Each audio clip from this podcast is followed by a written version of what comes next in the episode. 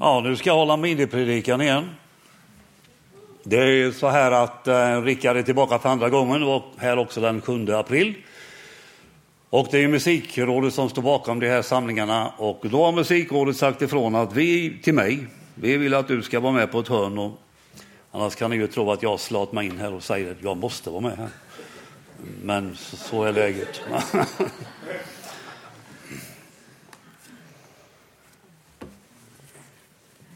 Låt oss ha blicken fäst vid Jesus, står det i Hebreerbrevet 12 kapitlet. När jag var pastor i Vetlandakretsen så hade vi under en ekumenisk bönevecka besök av den norske förkunnaren och själavårdaren Edin Lövås. En förmiddag under veckan var vi samlade i Fria församlingens lokal i Vetlanda och det var, eh, om jag säger så här, det var inte den där stillheten i lovsången och tillbedjan precis, utan det var lite drag och lite gasat. Och när Edin Lövås fick ordet så började han med att säga så här. Nu ska vi ha en Jesus-meditation här. Så att missionsförbundarna och Svenska kyrkans folk känner sig lite hemma också, sa han. Och han kunde ju säga så, för han skulle ju åka hem när veckan var slut. Så han behövde ju inte ta mycket stryk för det. Ja, vi har olika stilar när vi lovprisar Herren. Och det är helt i sin ordning. Ingen är lik den andre. Vi är skapade som original. Vi ska lovprisa Herren på vårt sätt. Stilen att lovprisa Herren skiljer sig mellan människor och den skiljer sig mellan församlingar och samfund. Vi har ju i vår församling börjat arbeta med NFU, naturlig församlingsutveckling, och vi är mitt inne i ifyllandet av enkäter. Och inom NFU finns uttrycket hängiven andlighet. Och om jag har förstått det hela rätt så kan det vara hängiven andlighet i pingstkyrkans gudstjänstform, i missionskyrkans gudstjänstform, i EFS gudstjänstform, i Svenska kyrkans gudstjänstform, både hög och lågkyrklig, och i Svenska alliansmissionens gudstjänstform. För hemligheten är att man har blicken inriktad på Jesus. Låt oss ha blicken fäst vid Jesus. Om vi nu ska tala om oss själva lite här i kyrkan och vår församling så är det ju så att många nya medlemmar har funnit sin plats här de senaste åren.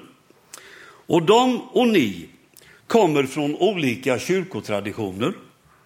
Från Evangeliska Frikyrkan, från Pingst, från Missionsförbundet och här finns de i församlingen som har kommit från EFS och så vidare. Och så kommer vi in med våra olika traditioner här och ska lovprisa Herren.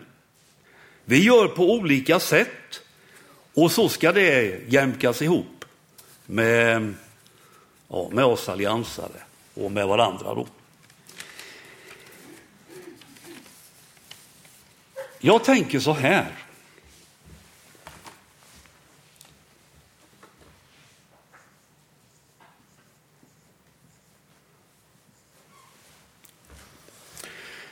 Här finns vi från olika håll. Pingst, EFK, EFS, mission, allians. Ja. Vi möts för att lovprisa Jesus. Och då handlar det om att ha rätt fokus. Om detta är Jesus så handlar det om att ha blicken där.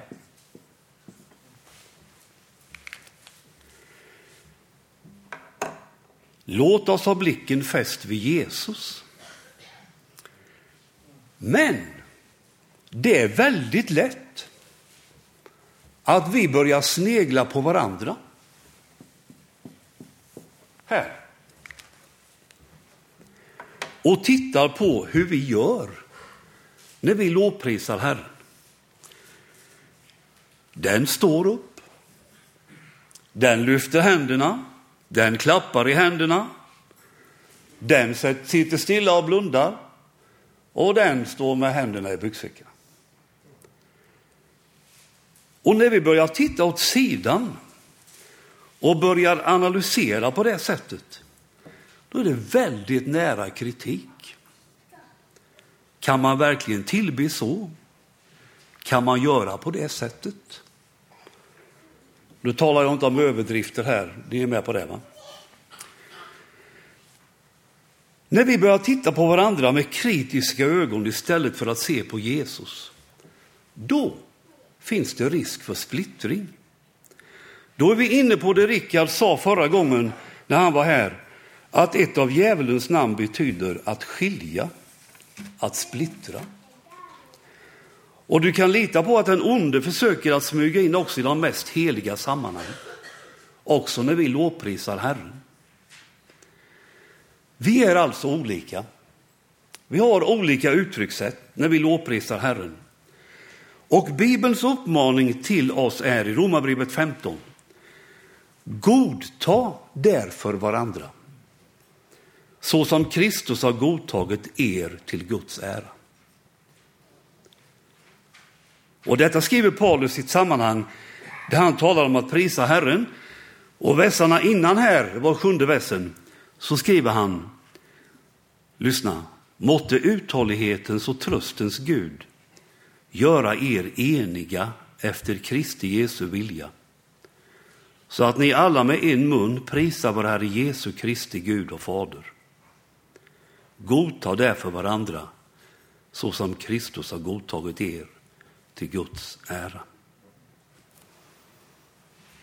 Hörrni, jag är övertygad om att om vi har blicken fäst vid Jesus i vår lovprisning, då upphöjs han och då förenas vi i våra olika stilar. Olikheterna, de blir smågrejer när vi har Jesus för ögonen. Och när vi har Jesus i centrum, då kommer olikheterna att bli en underbar symfoni. Låt oss ha blicken fäst vid Jesus. Amen.